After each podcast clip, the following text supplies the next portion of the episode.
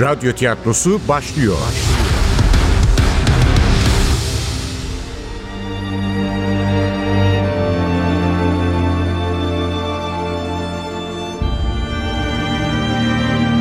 Aşkımız eski bir roman.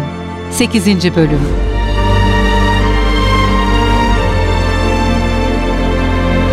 Eser Ahmet Ümit. Seslendirenler Başkomiser Nevzat Nuri Gökaşan, Ali Umut Tabak, Zeynep Dilek Gürel, Edip Kelami Yaşar Karakulak, Zihni Bey Hakan Vanlı, Gözde İrem Anlıaçık, Hugo Umut Aksoy, Nuriye Güner Özkul, Künye Kadın Özden Yıldız, Efektör Cengiz Saran, Ses Teknisyeni Hüseyin Karadeniz, Yönetmen Zeynep Acehan.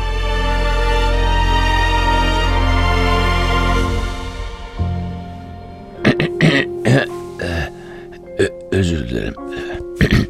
Zaaflarıma yenildim. Yapmamam gerekeni yaptım. Edip'le ilişkimizden bahsediyorum. Onu iyileştirmek için iki aşamalı bir tedavi yöntemi uyguladığımı anlatmıştım. İşte o tedavinin ilk aşamasında ben de kendimi kaybettim. Yani Edip'le ilişkimde hekim olduğumu, onun da hasta olduğunu unuttum. Siz de erkeksiniz. Biliyorsunuz. Yani hanımefendinin yanında anlatmak ne kadar uygun kaçar? Hanımefendi değil komiser Zeynep. Rahat olun Zihni Bey. Anlatacaklarınızdan çok daha beterlerini duymuşumdur. Çok daha rezillerini görmüşümdür. Siz beni dert etmeyin. Peki teşekkür ederim. Bir gün Edip canlandırmalara beni de davet etti. O roman kahramanları olan kadınlarla buluşmalarından söz ediyorum. Acayip bir duygu, çok değişik bir deneyim yaşayacaksın dedi. Önce reddettim. Ama peşimi bırakmadı. Çok mutlu olacaksın. Başka bir insana dönüşeceksin diye ısrarını sürdürdü. Keşke yapmasaydım ama sonunda önerisini kabul ettim. Hemingway'i okudun mu diye sordu. Elbette okumuştum. Zihninin bakışları koridora gitti. Az önce kapağını düşürdüğüm romanı seçmişti. Çanlar kimin için çalıyor? Kitabın Amerikalı bir kahramanı vardır. Robert Jordan. Bir de Maria adında genç bir kız. Ve ilk kez bir uyku tulumunun içinde birlikte olmuşlardı. Yüzü kıpkırmızı olmuştu. Bir kez daha çekingen gözlerle Zeynep'e baktı. Kriminoloğumuzun hiç de oralı olmadığını görünce sürdürdü sözlerini. İşte ilk deneyimim öyle oldu. Hatta kızın saçları kısacıktır. Gelen kız da aynı onun gibiydi. Ne yalan söyleyeyim hoşuma gitti. Ama orada bırakmalıydım. Yapamadım. Daha da kötüsünü yaptım. Fakir Baykurt'un Yılanların Öcü, Henry Miller'ın Oğlak Dönencisindeki aşk sahnelerini canlandırdıktan sonra Edip çıtayı iyice yükseltti.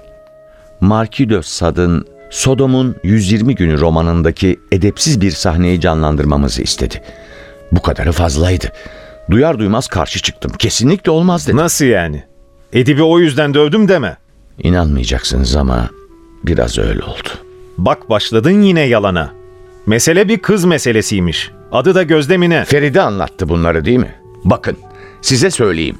Edip'i öldürme ihtimali olan bir kişi varsa o da Feride denen o sinsi kadındır. Zihni kendisi hakkında bilgi verenin Edip'in eski karısı olduğunu zannediyordu. Oysa bize bilgileri Betül vermişti. Elbette bunu Zihni'ye söylemeyecektik. Çünkü davayla ilgili belki de hiç öğrenemeyeceğimiz bilgiler ortaya saçılmaya başlamıştı. Peki sence Feride neden öldürmek istesin ki Edip'i? Çünkü çünkü Edip'in parasını o yönetiyordu. Adamın nakitlerini sakladığı kasa bile kadının Teşvikiye'deki evinde bulunuyor. Onların ne kadarı kayıt altında, ne kadarı sadece Edip'le Feride'nin bilgisi dahilinde kimse bilmiyor. Küçük bir meblağdan bahsetmiyoruz Nevzat Bey. O kasada nakit 5 milyon dolar olduğunu söylemişti Edip. Hisse senetleri, fonlar, bonolar cabası. Bence Edip bile tam olarak bilmiyordu ne kadar parası olduğunu. Eğer Feride eski kocasını öldürttüyse kasadaki servetten istediği kadarına el koyabilir. Üstelik adamdan nefret ediyordu. Evet, bütün o domestik, sevecen kadın görüntüsünün altında onu terk eden adama duyduğu derin nefret yatıyordu. Evet, sormuştunuz ya Edip'in düşmanı var mı diye. Evet, işte söylüyorum. Onun gizli düşmanı Feride'ydi. Bence onu sorgulamalısınız. Hem de derhal. Kasada ne kadar para, fon, hisse senedi varsa saptamalısınız. Bir dakika bir dakika Zihni Bey. Bu bilgiler için çok teşekkür ederiz. Ama siz Gözde Hanım'ı anlatmadınız hala. Gerçekten de onun yüzünden mi kavga ettiniz Edip Bey'le? Sizden saklamayacağım. Evet öyle sayılır. Gözde yüzünden kavga ettim. Adamın ne insana ne de insan duygularına saygısı vardı çünkü. Aşktan söz ediyorum Nevzat Bey. Ben aşık oldum. O gece Gözde'ye aşık oldum. Utancım biraz da o yüzdendi. Bu duygumu arkadaş bildiğim Edip'e de bütün içtenliğimle anlattım. İnsan ilk görüşte aşık olur mu bilmiyorum ama ben oldum. Gözde ile ilişkimi geliştirmek istiyorum Edip. Galiba yıllardır aradığım kadını buldum. Çok sevindim. Senin mutlu olman beni de mutlu eder. Tamam, Hugo'ya söyleriz halleder. Gider Gözde ile konuşur. Kızı istediğin zaman sana gönderir. O zaman beni hiç anlamadığını fark ettim. Gözde ile doğrudan ilişki kurdum. Kendimi anlattım, duygularımı anlattım. Önce şaşırdı Gözde, uzak durdu. Sizi tanımıyorum. Nezaketimi yitirmedim, ısrar ettim. Bir aşığın yapması gereken ne varsa hepsini yaptım. Sonunda Gözde'yi benimle çıkmaya ikna ettim. Üç kez dışarıda buluştuk. Üniversiteye gidiyordu. Şu işe bakın ki o da psikoloji okuyordu. Onu tanıyınca daha çok sevmeye başladım. Çaresiz olduğu için bu işteydi. Niyetim gerçekten ciddiydi. Gerekirse evliliğe kadar gidebilirdim. Ama ikinci hafta Gözde görüşmeye gelmedi. Aradım. Artık buluşamayız dedi. Nedenini sordum, söylemedi. Özür dileyerek telefonu kapattı. Ben de doğrudan Hugo'ya gittim. Adam hiç saklamadan, gizlemeden durumu anlattı. Sizin arkadaş şu Civago Edip yine Gözde'yi istedi. Kız şaşırdı tabii. Bunlar nasıl arkadaş diye düşündü haliyle. Artık sizin de samimi olmadığınızı düşünüyor. Bunları duyunca çok sinirlendim. O öfkeyle buraya geldim. Niyetim kavga etmek değildi. Sadece Edip'i uyaracak, Gözde'den uzak durmasını sağlayacaktım. Ama beni dinlemedi bile. Aşk diye bir şey yoktur. Güzellik vardır. Güzellik de kimsenin malı değildir. Ona sadece belirli bir süre sahip olabilirsin sonra uçar gider. Tıpkı Gözde gibi. O ne sana ne de bana. O kendine ait. Tıpkı Kız Kulesi gibi, tıpkı Da Vinci'nin Mona Lisa tablosu gibi, tıpkı Michelangelo'nun Davut heykeli gibi, tıpkı Orhan Veli'nin şiirleri, Yaşar Kemal'in romanları, Sait Faik'in hikayeleri gibi. Bize sadece onu paylaşmak düşer. Gözde benim de ilk göz ağrımdır. O böyle deyince daha fazla dayanamayıp sille tokat giriştim Edip'e. Elbette bununla gurur duymuyorum ama kendimi kontrol edemedim işte. Artık karşımızda sevdiği kadın için, korumaya çalıştığı aşkı için acı çeken bir adam vardı. Elbette kolay ikna olmayacaktık. İyi de hala söylemedin. Bu akşam buraya niye geldin? Kendim için gelmedim. Evet, delilleri karartacaktım ama Gözde'ye ait olanları. Gözde artık benim nişanlım. Önümüzdeki ay evleneceğiz. Genç kız, para ve lüksün cazibesine kapılmış, yanlış bir yola sapmış. Milletin bunu bilmesine gerek yok. Kızın adı ortalığa düşmesini istiyordum. Anlıyorum. Peki Gözde Hanım'ı nerede bulabiliriz? Bende kalıyor. İsterseniz götürebilirim sizi.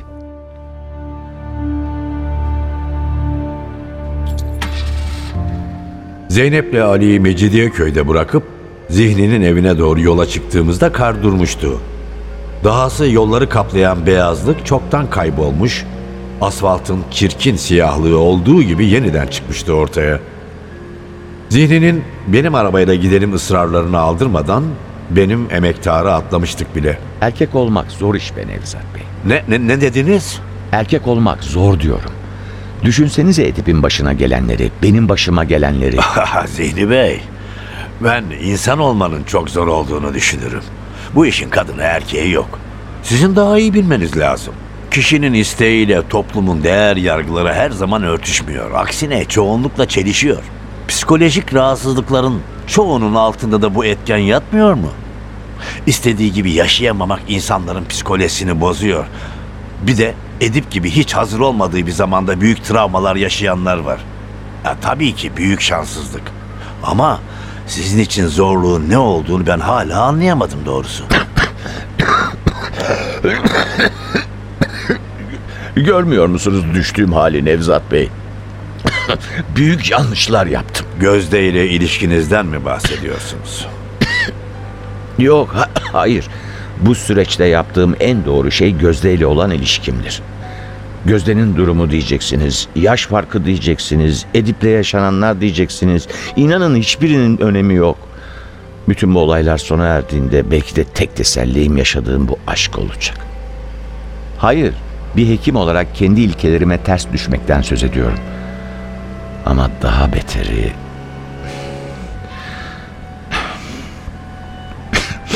Daha beteri Nevzat Bey. Büyük bir vicdan azabı çekiyorum. Eğer bir hekim olarak görevimi yerine getirseydim belki de Edip şu anda yaşıyor olacaktı. Baştan işi yanlış tuttum. Onunla arkadaş oldum. Elbette böyle olsun istemezdim. Olayların buraya varacağını nasıl bilebilirdim ki? Güya sıra dışı bir tedavi bulacaktım. Onu bile yapamadım. Edip'in beni ayartmasına izin verdim. Sadece Edip'in yaşadıkları için değil, kendi zayıflığım için de erkeklik zor işliyordum. Ama bütün bunlar başınıza gelmeseydi Gözde de olmazdı. Elbette öyle olurdu ama durum biraz daha karmaşık. Gözde'ye aşık olmamın asıl nedeni cinsellik değil. Başlarda öyle zannetmiş olmama rağmen değil. Evet, ben de çok sonra anladım. Gözde benim çocukluk aşkım Fikriye'ye benziyor. Belki benzemiyor da ben öyle hissediyorum. Önemli olan bu duyguyu korumak. Bunu hissettiğim sürece Gözde'ye aşık olmaya devam edeceğim. Fikriye nerede peki? Bilmiyorum ki. Babam öğretmendi. İki yıl Batman'da görev yaptı. O yıllarda ortaokula gidiyordum. Fikriye yan sırada oturan kızdı. Sarı belikleri olan, yüzü çilli, ela gözlü bir kız. Hep kavga ederdik ama bir gece rüyamda onu gördüm. Böylece anladım ona aşık olduğumu. Elbette bunu hiçbir zaman söyleyemedim ona. Zaten babamın tayini çıkınca da ayrıldık Batman'da. Muhtemelen şimdi birkaç çocuk annesi olmuştur. Gözde işte o kıza benziyordu. İlk gördüğümde aşina gelmişti zaten ama nereden tanıdığımı çıkaramamıştım. Sonra dank etti. Bir sabah yanında uyurken ona baktım ve onun dağınık sarı saçlarında kremlerle gizlemeye çalıştığı çilli yüzünde bütün yaşadıklarına rağmen hala masumca bakabilen ela gözlerinde Fikriye'yi gördü.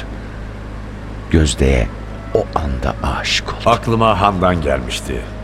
Yekta, Demir ve benim aşık olduğumuz Handan. Zihni'yi çok iyi anlıyordum. Ben daha sonraki aşık olduğum kadınlarda Handan'ı aramasam bile onu anlıyordum. Aşk gerçekten kişiye özel bir duyguydu. Birbirine benzer gibi görünse de her aşk biricikti. İşte tam da bu yüzden bu kadar güçlü bir duygu cinayet de içinde olmak üzere insana her türlü kötülüğü yaptırabilirdi.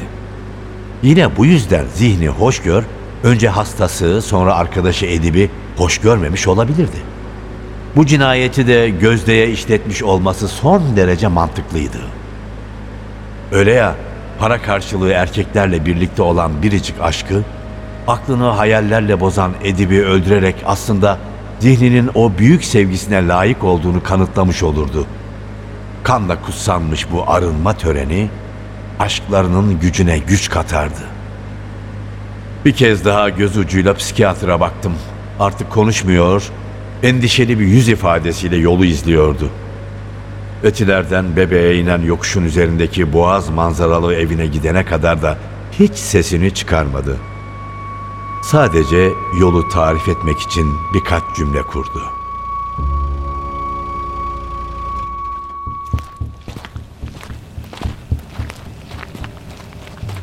Evin küçük bahçesindeki iki çam ağacının dallarında hala kar serpintileri vardı. Taşlarla kaplı küçük bir yoldan geçerek ulaştık binanın kapısına.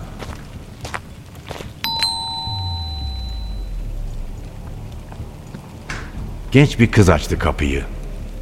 Psikiyatrın suratını görünce kopardığı çığlıktan anladım gözde olduğunu. Zihni? Zihnicim ne oldu? Kim yaptı bunu sana? Küçük bir yanlış anlaşılma canım. Merak etme iyiyim. Seni Nevzat Bey'le tanıştırayım. Telefonda bahsetmiştim. Zavallı Edip'in ölümünü soruşturuyor.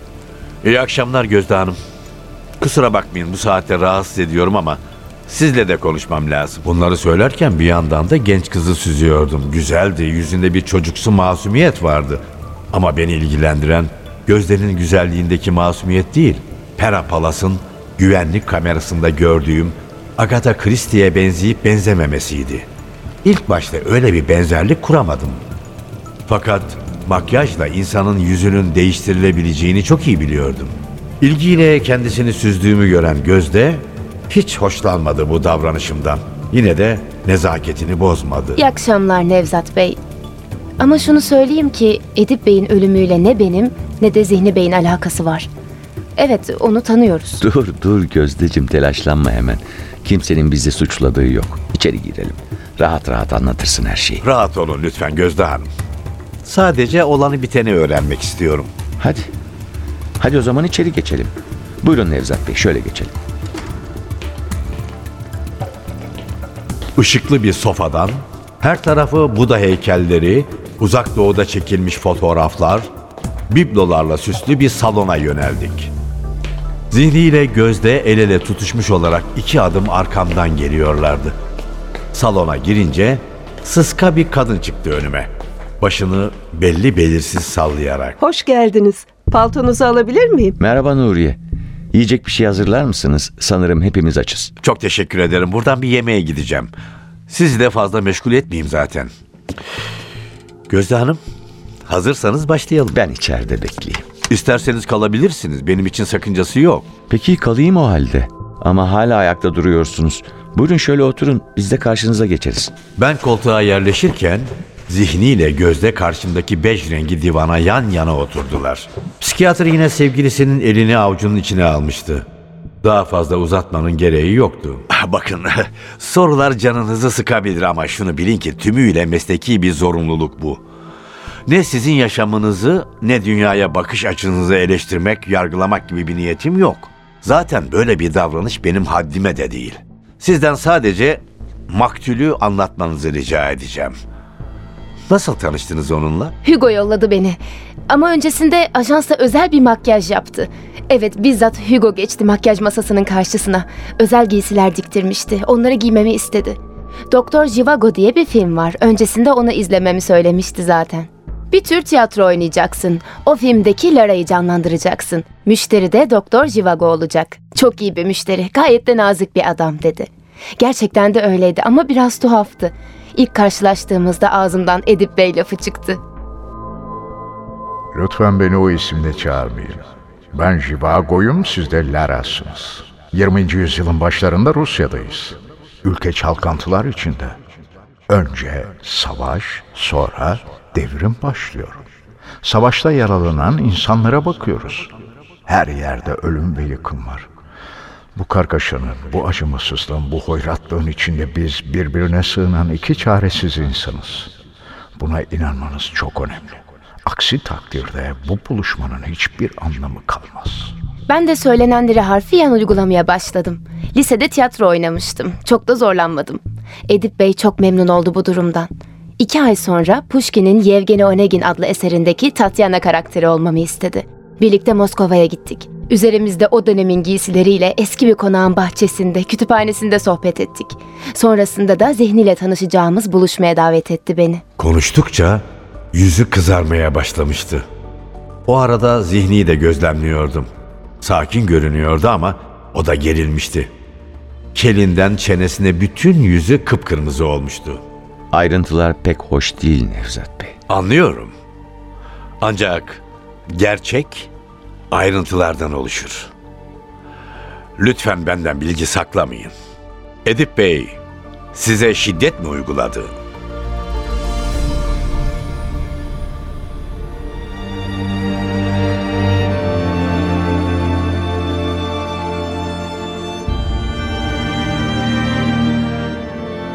Aşkımız eski bir roman.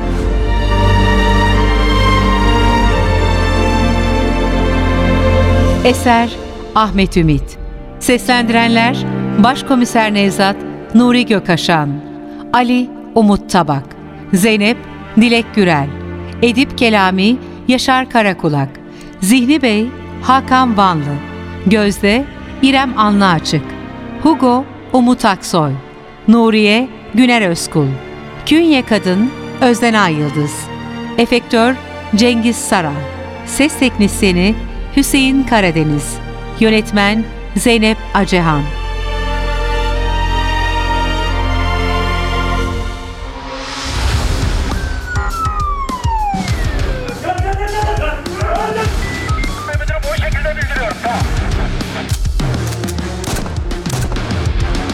Radyo tiyatrosu sona erdi.